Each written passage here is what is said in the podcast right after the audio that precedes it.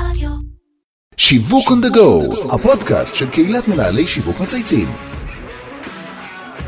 שלום לכולם וברוכים הבאים לפרק חדש של שיווק on the go, הפודקאסט של קהילת מנהל שיווק מצייצים. שמי אבי זיתן ואני בעלים של חברה לייעוד שיווקי אסטרטגי.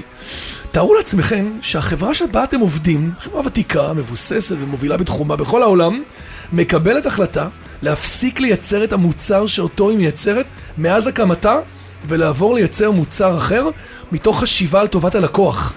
נשמע כמו שינוי דרסטי, לא? שינוי כמעט בלתי הגיוני.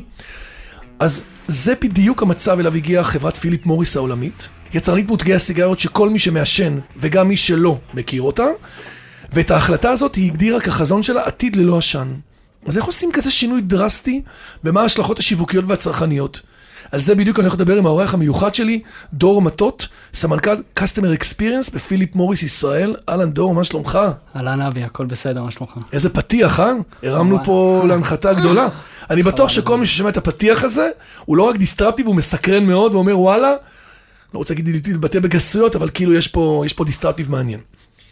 אז uh, באמת uh, חברת פיליפ מוריס העולמית החליטה לפני מספר שנים לעשות disruption לתעשייה ומה שנקרא שלמה, נכון? לכל העולם הזה, והגדירה חזון של עתיד ללא עשן, אבל לפני שניקח שאיפה ארוכה ונצלול לשיחה באמת מרתקת, אני כבר לא אקח את השאיפה. אנחנו נתחיל כל פרק בלהכיר את האורח המיוחד שלנו, דור, תספר לנו קצת על עצמך, על החיים האישיים, על מסלול הקריירה שלך, feel free. סגור. אמ, אז אני דור, אני בן 34. ילד, למי של... אני פה יושב באולפן, ילד, אנחנו 20 שנה הבדל, באמת ילד. אין לנו הרבה כאלה. כנראה טאלנט מאוד. אז כן, אז אה, לא יודע לגבי הטאלנט, אבל 34 זה הגיל. הכי צעיר בחברה, לא? הכי צעיר בחברה, הכי צעיר בהיסטוריה של פיליפ מוריס בתפקיד הספציפי הזה. אמ, נשוי לים. ים? לים, כן. יפה. אבא לפלג, שאו-טו-טו הוא בן שנה. חמוד זה. הכל במשפחה הזאת של ה... זה ככה יצא, ונחלים? תמיד, תמיד שואלים אותנו, זה ככה יצא במקרה, אבל אוקיי. אה, כן. אז אה, אז אני גר ברשפון, אה, וכמו שציינת לפני כן, אני בעצם אה, מכהן בתפקיד אה, סמנכ"ל CX בפיליפ מוריס. כמה שנים? אה, בתפקיד הנוכחי אני בעצם שנתיים בתפקיד. קצת להסביר מה זה סמנכ"ל CX, כי כן. לא בטוח שכולם מכירים, נכון. אז בעצם בפיליפ מוריס ספציפית בקונטקסט הזה, זה אומר בעצם שאני אחראי על מוצרי העתיד של החברה. וואו. אוקיי? תכף נסביר, אני מניח שבשאלות הבאות טיפה נרחיב גם על זה, אבל בעצם פיליפ מוריס לפני משהו כמו חמש-שש שנים החליטו לעשות איזשהו פיבוט מאוד מאוד משמעותי מייצור ושיווק של סיגריות רגילות. החליטו בעצם להתחיל אה, לייצר אלטרנטיבות לסיגריות, בעצם מוצרי העתיד של החברה, ומרבית הפוקוס והאטנשן שניתן מתוך כלל המוצרים של החברה הולך לכיוון הזה. אז אני באמת אה, מתכלל את כל הקטגוריה הזאת, בעצם מהאסטרטגיה עד ההוצאה לפועל הלכה למעשה של האסטרטגיה זאת אומרת הזאת. להגדיר את החזון, להגדיר בעצם את, ה, את הדרך לשם, נכון? להגיע מהמצב הנוכחי, מהסיגרות הרגילות לחזון, נכון, בעצם החדרה של קטגוריה לתוך השוק. ולהגיע עד ה-go to market, נכון? לגמרי, עד אוקיי. ה-go to market, ואז אתה תראה גם לפרטים המאוד מאוד מעניינים של איך אנחנו מבינים את הלקוחות שלנו בצורה טובה יותר, ואיך אנחנו מגיבים לצרכים של הלקוחות שלנו ממש בפינצטה. איך אה, מגיעים לתפקיד כזה? מה עשית לפני כן? אז באמת, אני בין האנשים הראשונים, אני חושב, בחברה הגלובלית בכלל, שמראשית דרכו התעסק אך ורק במוצרים האלה. זאת אומרת, כשאני הצטרפתי לחברה לפני כשש שנים, אה, התפקיד הראשון שלי זה היה בעצם, אמרו לי, טוב, אנחנו רוצים, אוטומטית איך שבאתי, אנחנו רוצים שתטוס אה, לשוויץ, ללוזאן, זה בעצם המטה של החברה, ואנחנו רוצים שתצטרף לצוות שהוא בונה את האסטרטגיה, חדירה לשוק של מוצר חדש שאנחנו מפתחים, או מוצר העתיד שלנו, זה האקוס שאנחנו תכף נדבר עליו.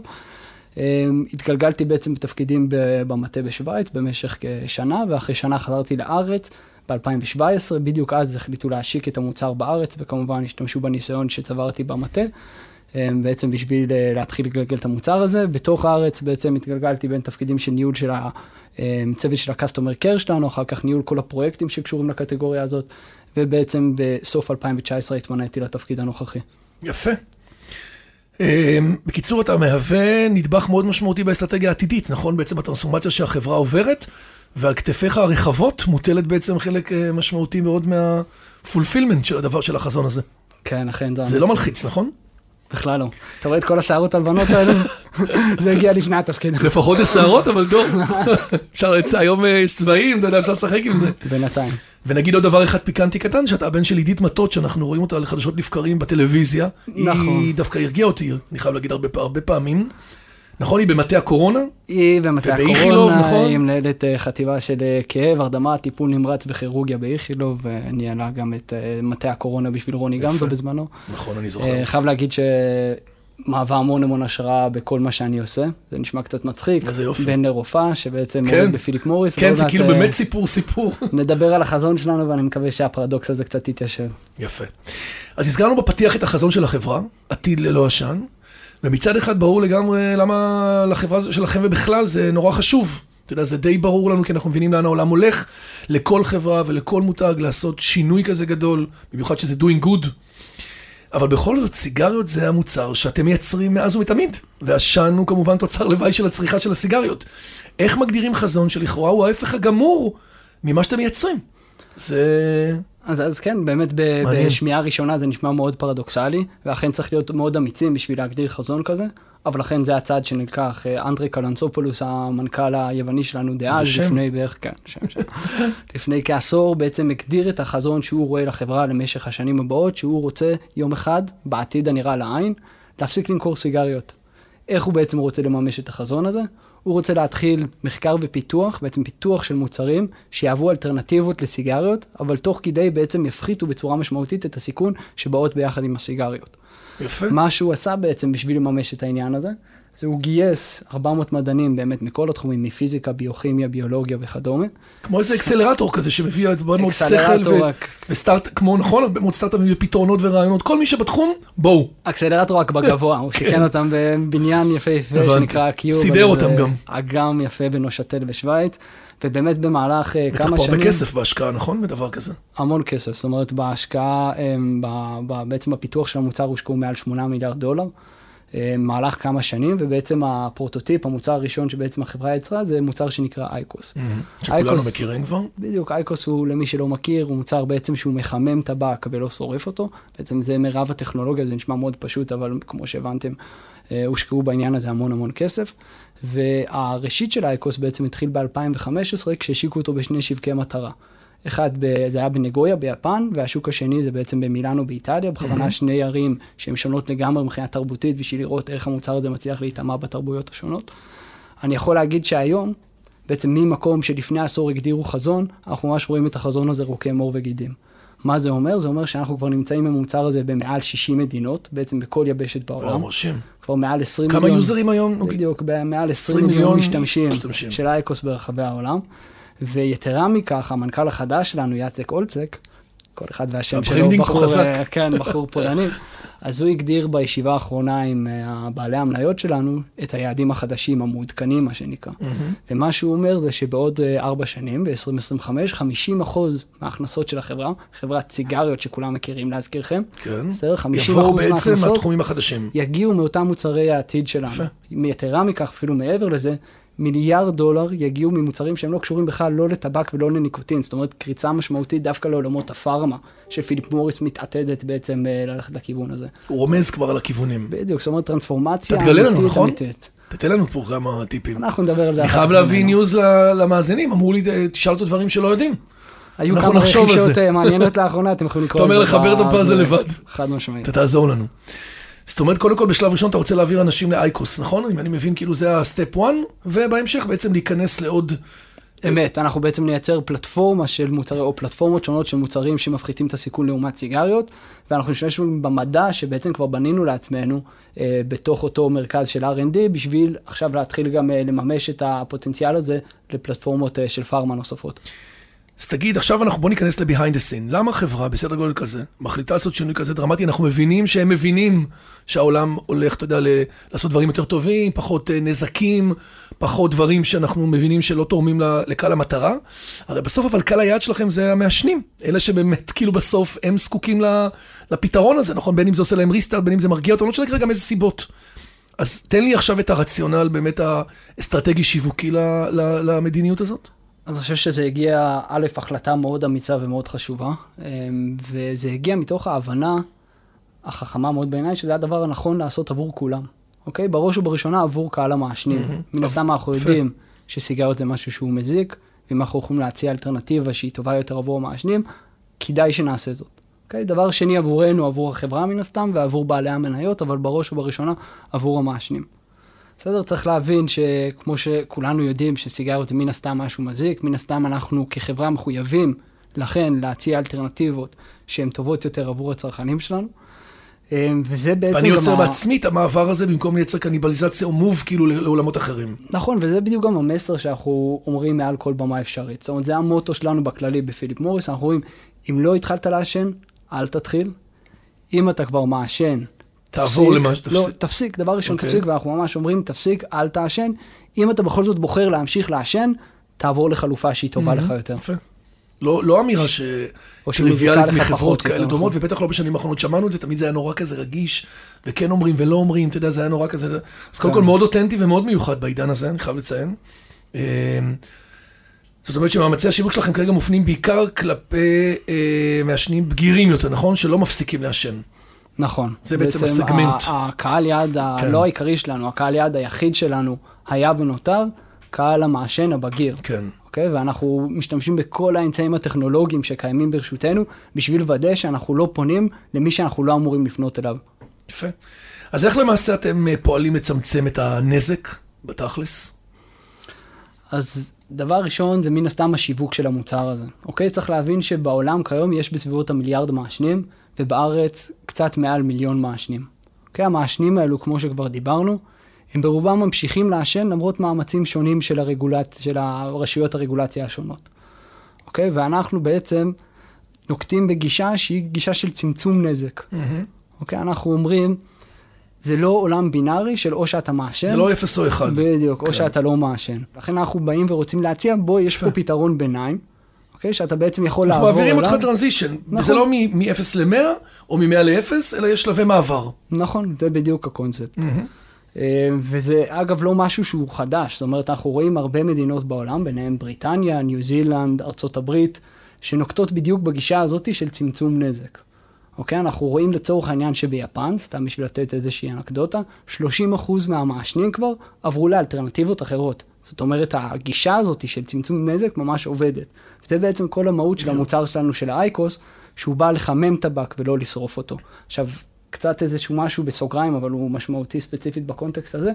אייקוס, המוצר הזה, בעצם קיבל לא מזמן את ההכרה של ה-FDA, שבעצם ה-FDA אמר והכיר במוצר הזה כמוצר שהוא מפחית את החשיפה לכימיקלים מזיקים בהשוואה לסיגריות רגילות, בגלל שהוא מחמם טבק ולא שורף אותו.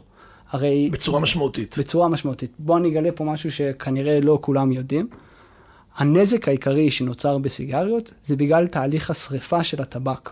ברגע שאני מוציא את העניין הזה של השריפה של הטבק, mm-hmm. כמו שנעשה באייקוס, בעצם מפחית בצורה משמעותית את הנזק. זה משהו שאנחנו בעצם, כך בעצם אנחנו מצמצמים את. הנזק. יפה. תשמע, לגרום לצרכנים להפסיק לעשן סיגרות זה מהלך חינוך שוק מאתגר, נכון? לא נגיד קשה, ב-2021 זה מאתגר. כן. ונשמע כמו מהלך כזה, אתה יודע, אנחנו קוראים לזה תמיד מהלכים שהוא כמו מהלך אפי. לעשות כאילו Game Changing, ממש להזיז יוזרים מקצה, מקצה לקצה. ואין ספק שמה, שתעשיית הטבעת לבד תתקשה לעשות את זה בעצמה. מה הדרך שאתם נוקטים כדי לגרום לשינוי? איזה שותפים נוספים אתם עושים? איך אתם בונים בעצם את כל, ה, את כל המקום שלכם מול הרבה מאוד סטייק הולדרס בתחום הזה? אז א', זו שאלה מאוד חשובה, אה, ואני אגיד את זה בצורה חדה וברורה. גאוני שיווק ככל שנהיה, אנחנו לא נהיה מסוגלים להניע את הגלגל ואת הטרנספורמציה הזאת לבד. ברור. אוקיי? זאת אומרת, א', האחריות היא עלינו, וזה אני אומר את זה חד משמעית. זאת אומרת, אנחנו צריכים לעשות את המחקר ופיתוח, אנחנו צריכים לבוא לקהל המעשנים ולהציע להם את האלטרנטיבות שמזיקות פחות, אבל לרגולטור יש פה תפקיד מרכזי. אוקיי? והרגולטור בעצם... לעזור להבין- לכם, לעזור לנו. בדיוק, הוא צריך להבין את מה שהסברתי קודם לכן, העולם הוא לא אפס או אחד, הוא לא בינארי, אנחנו מבינים שהמעשנים ברוב, ברובם ממשיכים לעשן, ואם אנחנו יכולים להציע איזושהי אופציית ביניים, חלופת ביניים, הם צריכים לאפשר לנו בעצם להנגיש את המוצר הזה לציבור הכללי, לטובת כולם. יפה. אה, אם אנחנו עכשיו רגע מסתכלים מבחינת השינוי שהחברה שלכם עברה, כי הרי בסוף כשאתה עושה שינוי מוצרי, זה שינוי בתפקידנים, באנשים, נכון? יש פה מוב מאוד משמעותי באורגניזיישן. אתם מובילים חדשנות, אתה בעצמך עכשיו פתאום עובד על, אתה יודע, אתה נתמך בהאב כזה, והמנכ"ל יצר סוג של אקסלרטור ואיגד הרבה מאוד שכל ומוחות. איך זה בא לידי ביטוי עכשיו בתרבות הארגונית, במבנה של החברה, איך זה משנה לכם ביום-יום? אז בואו, א', נתחיל מה, מהקור של ה... מה היה הטריגר לשינוי הזה, לטרנספורמציה הזאת, כמו שאנחנו קוראים לה בתוך פיליפ מוריס. בעצם הטריגר להכל זה הפיכה של החברה מחברה שהיא B2B. בעצם ה- ה- כן. מי שאנחנו הפצנו לו זה הקמעונאים שהם הפיצו ללקוחות הקצה, לחברה שהיא B2B2C, או לחברה שלרוב היא אפילו B2C טהורה. כן, נכון, אבל בוא נאמר שהשלב הבא זה B2B2C. כי עדיין יש לך מידלמן בדרך. לפעמים אין. כן, זה כל אוקיי. העניין. זאת אומרת, לפעמים אנחנו ממש B2C טהורים, כמו שאני תכף אסביר, והקונספט הזה בעצם הצריך אותנו לעבור טרנספורמציה משמעותית מאוד, הן בהיבט של היכולות, שתכף אני אתן כמה דוגמאות שלהם, והן בהיבט של, אה, של התרבות הארגונית, אוקיי? שהם בעצם, התרבות הזאת נגזרת מתוך היכולות שאנחנו הוספנו. בואו ניתן כמה דוגמאות ליכולות שבעצם התווספו בגלל המעבר שלנו ל-B2C. העולם של customer care. אוקיי? בסיגריות אין דבר כזה customer care. בסדר, אתה מעשן את הסיגריה, אתה זורק אותה, אף אחד לא נכון. צריך לתמוך בך תוך כדי. פתאום עם מוצר שהוא אלקטרוני, אוקיי? אתה צריך מישהו שיעטוף אותך, יש לך אחריות, אתה צריך לתת תמיכה. יתרה מכך, ה-customer care נכון. בתעשייה הזאת צריך להיות הרבה יותר חזק מבכל תעשייה אחרת. כי אם אני עכשיו משתמש באייקוס, והוא מתקלקל לי, או פתאום אני לא מבין איך להשתמש בו, הכי קל לי זה לרדת למטה לפיצוצייה. ולקנות סיגריות. ולקנות סיגריות. כאילו לא הסתדרתי, זה לא עובד לי, ביי. ה relapse הוא הכי נכון. מהיר שיש, אוקיי? גם ואנחנו פה- ה dropping באמצע שם, נכון. וזה הסיוט מבחינתנו, אנחנו, מזכיר לכם את החזון, לא רוצים שאנשים יחזרו לעשן, אז לכן צריך לתת פה מעטפת מאוד מאוד מאוד צמודה, מושקע בה המון המון כסף, בשביל שניתן את השירות הכי מהיר והכי הכי אפקטיבי לצרכנים שלנו. עולם שני לצורך העניין שנכנסנו אליו ולא היה קיים קודם לכן, עולמות ה brand retail. החנויות שהן חנויות שלנו. זה בדיוק המקום של ה-B2C שאני נוגע בצרכני הקצה כמה כאלה. יש שם? יש היום שתי חנויות מרכזיות, שהן חנויות בוטיק, דומה מאוד לבוטיקים שיש נספרסו? לנספרסו, לאפל וכדומה, אחת בסנטר, אחת כן. בקניון הזהב, ייפתחו עוד, אבל במקביל יש עוד פורמטים נוספים, שהם ככה באמצע, סוג של shop-in-shopים או small boutiques למיניהם ברחבי הארץ. אבל זה סוג של חנויות קונספט, או שזה מודל- modeling שהולך עכשיו להתפתח ולהיות יותר כאלה? אז זה תלוי, יש לנו את החנויות בוטיק שלנו, יש את הפורמטים ההיברידיים באמצע, ויש את הפורמטים שנשענים ספציפית על קמעונאים, שבהם קמעונאים, על ידי פלטפורמה דיגיטלית שאנחנו מספקים להם, בעצם מוכרים את המוצרים שלנו, וזה כמובן הפריסה הכי availableית שקיימת, סך הכל 600 נקודות כאלו בכל הארץ. אמ, אז זה העניין של, ה, של ה retail שהוא שלנו, זה מן הסתם ללמוד את העולם הזה, איך אני עכשיו מייצר user experience בתוך החנות, איך אני מייצר traffic ל venues האלו, ספציפית נכון. גם תחת הרגולציה. קמעונאות. עכשיו אחרת. בדיוק, במיוחד שכל העולם עובר לדיגיטל, אנחנו פתאום אתה ב physical פתאום גם. ב physical, ואנחנו צריכים אבל אולי ללמוד גם וגם, לא? את זה אולי שילוב של היברידים. זה תמיד. יהיה שילוב, ואנחנו נדבר עכשיו בדיוק על היכולת השלישית, שזה היכולת של הדיגיטל. אוקיי, e-commerce, לא היה e-commerce לסיגריות, זה פתאום לצלול לכל העולם הזה של ה e-commerce, לבוא ולבנות אותו ב global standard ברמה הכי גבוהה שיש, אבל זה לא רק ה e-commerce, זה ה-CRM, שאני יודע מה קורה עם כל אחד ואחד מהלקוחות שלי, זה ליצור על שכבה של marketing automation, מסעות לקוח, כן. אז זה עולמות שהם מאוד מאוד מורכבים, שאנחנו סוג של בונים תוך כדי שהמטוס כבר טס. אנחנו צריכים ללמוד את זה ולעשות את זה מאוד. זה challengeים שלא לא, נגמרים וכל זה הזמן... גם. תעשייה נורא גדולה, גם יש בה הרבה מאוד כסף, גם היא מרתקת, גם אתם לוקחים אותה באמת, ל... ל- אתה יודע, אני אגיד לך מה, זה כמו... לדור הבא שלה, זה, זה ממש. סטארט-אפ, אבל עם הרבה כסף. כן, כי לפעמים כאילו יש את ה installed לפעמים base. חיסרון, אגב. נכון, נכון, אמ, אתה יודע. כן. כי תמיד יש אה, כל הזמן, אתה יודע, את ההסתכלות על המדידה ולראות לאן לוקחים קדימה, וכן הצלחנו ולא הצלחנו, וה move. זה חלק מהשינוי. התרבותי המאוד מאוד משמעותי, כל ה experimentציה הזאת. בגלל שהחברה הזאת, זה פתאום מתעסק במשהו שהיא לא התעסקה בו בעבר, אנחנו עושים המון המון המון experiments, אנחנו קוראים לזה fast forward, בעצם אנחנו לוקחים משהו, איזושהי היפותזה שיש לנו, מנסים אותה בקטן, ורק אם נצליח, אנחנו מן הסתם עושים לזה scale-up, אבל מה שרציתי לדבר עליו מבחינת השינוי התרבותי דווקא, כן, מעבר. ליכולות שהיינו צריכים, זה בעצם שני אספקטים ספציפיים שנוצרו כתוצאה מהמעבר ל-B2C. אחד מהם זה בעצם ה-consumer centricity, הצרכן במרכז. הרבה חברות B2C מתהדרות ואומרות, כן, אנחנו צרכן במרכז, צרכן במרכז, דה פקטו זה מאוד מאוד קשה ליישום. איך אנחנו בעצם התחלנו ליישם את זה? דבר ראשון צריך להתחיל עם, ה, עם, ה, עם ה, בוא נגיד, פלטפורמה הקונספטואלית של מה זה מסע הצרכן שלנו.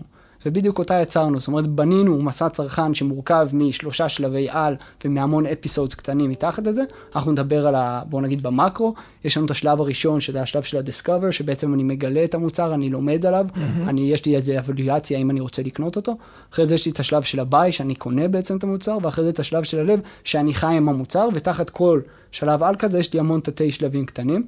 מרגע שייצרתי את התשתית הזאתי, של אוקיי, אני יודע מה המסע של הצרכן שלי, עכשיו זה לא רק מגיע... מס... זה גם מסע, ויש פה פאנל של הרבה שכבות, זה מטריצה.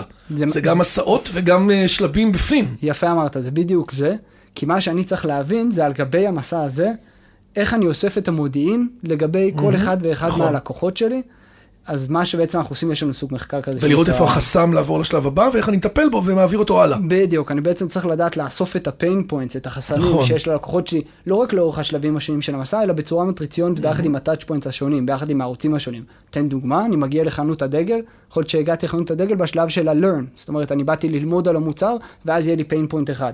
לעומת זאת, שבכלל אני חושב טכנולוגית, אם זה מתאים לי, לא מתאים לי, איך אני נכון. מתפעל את זה, טעינות, עניינים, ש- בסדר, אני לא אני לא איש טכנולוגי, אולי זה לא מתאים לי. נכון, בדיוק. שתיים, האם. אני אהנה מזה כמו שנהניתי קודם? איזה חוויה אני חווה מזה, חוויית... אה, להיות המון המון המון pain points כן. שקשורים לשלבים האלו של הלרן, ספציפית רק בחנות הדגל, אוקיי? לצורך העניין, אבל בחנות הדגל יכולה לפגוש אותך במקום של הלב. זאת אומרת, קניתי כבר את המוצר, אני בא עכשיו לחנות לקנות accessories, ה pain point שלי שם היו שונים, למרות שהמקום הוא אותו מקום, וכך בצורה מטריציונית לגבי כל השלבים במסע ולגבי כל ה touch points השונים. לכן זה. התשתית הראשונה שאנחנו בעצם מייצרים את האסטרטגיה שלנו, על בסיס אותם ה pain points, על פי הגודל שלהם ועל בסיס כמות ה resources שהם דורשים מאיתנו. זה מוביל אותי בעצם לשינוי הארגוני, האספקט השני שלו, שזה בעצם לייצר חברה שהיא מבוססת פרויקטים, אנחנו קוראים לזה PBO, Project Based Organization, שמרגע שאני עכשיו קיבלתי את ההבנה של מה ה pain point הכי דחוף לטפל בו, אני עכשיו צריך לתרגם את זה לפרויקט מעשי עם timeline, עם resources, עם KPIs מאוד מאוד סדורים, ואני צריך בצורה מקצועית לנהל את הפרויקט הזה. עכשיו פיליפ מוריס שלפני שש שנים, הכל היה נורא ברור, נורא מסודר, כולם עבדו one trick ב silos. pony, כן, יש לך כאילו... כן, marketing ידעו נכון, מה marketing עושים, whatever, לא יודע, supply chain ידעו מה supply chain עושים, פתאום זו תעשייה שהיא חדשה, זו מציאות חדשה, יש pain pointים מאוד מאוד דינמיים, צריך פתאום לעבוד כולם ביחד. זה פתאום שבע מחלקות שונות, או שבע חטיבות שונות שצריכות לשתף פעולה. שה-togetherness בונה את הדבר הבא. אם, אם אתה לא מנהל את זה בצורה פרויקטלית מקצועית, אין סיכוי שאתה תצליח להוביל פרויקט ולסיים אותו כמו שצריך. וואלה. לכן באמת הכשרנו את כל האנשים במטה אצלנו להיות מנהלי פרויקט עם עם קורס שלקח בין חודשיים לשלושה. אז יש פה גם הכשרה ו training של הצוותים לתפקידנות כן. החדשה. אגב, מי זה פיליפ ומוריס? לא דיברנו על זה. פיליפ מוריס, לעניות דעתי, מה שאתה מבין. זה היה היצרן האנגלי שפתח את החנות הראשונה. וואלה. אה, כן. אתה אומר, יש פה סיפורי גבורה. זה היה אז באנגליה, פתאום אחרי זה החברה לא, עברה זה- כמה גלגולים. תמיד. אתה מכיר את זה שאנחנו גרים באיזה רחוב, או שומעים איזה שם, וזה אקסיומה, ופתאום אתה אומר, רגע, אבל מה זה הדבר הזה? כאילו, מאיפה זה הגיע? הבנתי אותך. דור, תשמע, מרתק. חייב להגיד לך, יש שלבים שאני שואל את עצמי מי צריך לשלם למי, אתה להם או הם לך. לא, כי אתה נמצא בחנות צעצועים הכי גדולה בעיר היום, זה זה מדהים. המסע אה, שאני עובר בחברה הזאת, באמת, אני לא... אתה נראה לא לי אבל אה, סבבה בזה. נראה לי שאתה אפור, לא אפור, אתה לגמרי מכור. משתדל. מכור לא רק לזה. אתה מעשן אייקוס דרך אגב? אני משתמש באייקוס, אגב, לפני זה הייתי אתה מעשן יודע סיגריות. שכל יום אני פוגש אנשים שמשכנעים אותי, אתה יודע, הייתי מעשן איזה שתיים שלוש סיגרות, הפסקתי בימים האחרונים, ואני ממש, אנשים ממש אומרים לי, אתה חייב לעשות את האייקוס הזה, זה מדהים, שינוי, אני יושב בישיבות הנהלה, מישהו נותן לי, אתה יודע, כמו איזה שחטה, כאילו, אומר לי, קח, תנסה את האייקוס, זה קטע, באמת אתה רואה את זה יותר ויותר בהרבה סימן מקומות. שמה שאנחנו עושים עובד. אתם כנראה עובדים. יפה. יש לנו כמה שאלות שאנחנו שואלים בפודקאסט, גם אה, דברים שפחות הצליחו, או תובנות שבוצעו, אתה יודע, ודברים שאתה יכול ללמד, כי בסוף יודע, אנחנו לומדים גם מכישלונות לא פחות, לא הכל מצליח. הכי הרבה. יש לך כזה? חד משמעית. אני חושב שזה למידה אישית שלי, אבל זה גם למידה של החברה ברמה הגלובלית. אה, בתחילת הדרך, בעצם השווקים לא ידעו ללמוד אחד מהשני. אז כשאנחנו השקנו את אייקוס לראשונה בארץ, חזרנו על המון המון טעויות שעשו כבר במדינות שהשיקו את אייקוס לפני כן. גדול. זה משהו שפיליפ מוריס הבינה ועשתה צעד מאוד מאוד משמעותי בכיוון הזה. והיום יש המון המון פלטפורמות אה, וקבוצות. לשיתוף ידע, כאילו. של- לשיתוף ידע בדיוק של best practices ושל מה do and don't ופלייבוקים גלובליים לאיך נכון לעשות אה, יפה. פרויקטים כאלו ואחרים. אז זה השתפר בצורה אה, מאוד משמעותית, אבל בהתחלה זה ממש לא היה ככה. תגיד, מה המותג שלך? איזשהו מותג שאתה נורא מזדהה איתו, שאתה נורא אוהב אותו, שהוא הכי אתה? מעניין, במקרה שלך זה מעניין ספציפית. האמת שאני נורא מתחבר למותג פטגוניה, למי שמכיר. לא מאוד נפוץ בארץ, אבל מי שיצא לו לצפות בפרסומת של פטגוניה, אז דבר ראשון, תמיד הם משתמשים שם בנופי טבע מרהיבים. תספר, תספר למי שלא מכיר שזה בסוף... אה, זה בעצם אה, חברה שהיא של אה, אופנה, נגיד אופנת אה, טיולים יותר, טרקים, ציוד טרקים קצת וכדומה. אה, שילוב בין טימברלנד כזה, נכון? כאילו כאלה יותר. משהו בכיוון הזה, face, North משהו face, כן, בכיוון הזה, נכון. אבל א', אני חוזר שנייה לפרסומת, תמיד יש שם טבע יפהפה, ואני נורא מחובר לטבע. דבר שני, בפרסומת אתה אף פעם לא תראה את ה... הם לא יגידו את המותג. הם גם לא ינסו לדחוף לך מסרים שיווקיים, אתה פשוט תראה נופים מאוד יפים. ותבין שזה זה. מישהו לובש איזושהי חולצה שבמקרה יציץ אולי הלוגו של פטגוניה, ממש בנסתר. משדר- מינימליזם כזה. משדר ביטחון שקט, ואני. חושב שזה משהו שמשקף אותי, והדבר השלישי זה בגלל שהם חברה עם פרפס מאוד משמעותי, הם באים לשנות. את העולם. ואני בכל דבר שעשיתי בחיים שלי, ויתרה מכך ספציפית גם בתפקיד הזה, עושה את זה עם פרפס מאוד מאוד ספציפי, ולכן אני מתחבר. איזה יופי. כן. מדהים. השראה. אה, ורגע לפני שניפרד, יש לך אפשרות להזמין מנהל שיווק או סמנכ"ל שיווק או מישהו שאתה באמת עובד איתו ומעריך אותו והיית רוצה שנשמע אותו. יש לך כזה? האמת שחשבתי על זה, אה, ובחרתי בראם שרמן. לא למי מכיר. שלא מכיר, ראם שרמן הוא לא מנהל שיווק, הוא בעצם CTO, אבל הוא מנחה את הפודקאסט גיקונומי, שזה פודקאסט שאני מקשיב לו אה, לא זה עוד לא היה לנו. להביא מישהו מפודקאסט, זה מעניין. עכשיו, הוא הוא תמיד מראיין אנשים אחרים. ויש לו ידע כללי. נרחב, בוא תהיה אתה בצד השני של המיקרופון, בטוח שלו הרבה. דברים חכמים להגיד. יאללה, נדבר איתו. דור מטות, סמנכ"ל Customer Experience בפיליפ מוריס ישראל. היה מה זה מעניין. גם לי, היה לי כיף גדול. תודה פתחת רבה. לנו צוהר מעניין. אם אתה רוצה עוד להגיד לפני סיום דברים, אתה יודע, דיברת על מדיקל, פארמה שאתם ייכנסו, יש לך דברים שאתה יכול להגיד, או שאתה שולח אותנו לגוגל, או שאתה יכול להגיד משהו? תקראו בעיתונות העסקית, אז. תבינו. אתה אומר די לחכימה ברמיזה.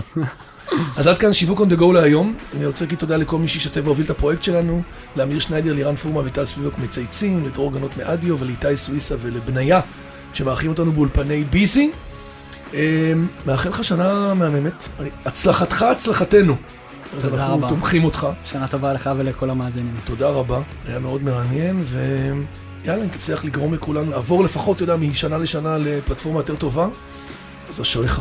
זה בכלל אה, נראה לי פרפס משמעותי. אז אה. בהצלחה. תודה רבה. נהניתי. תודה, ביי ביי.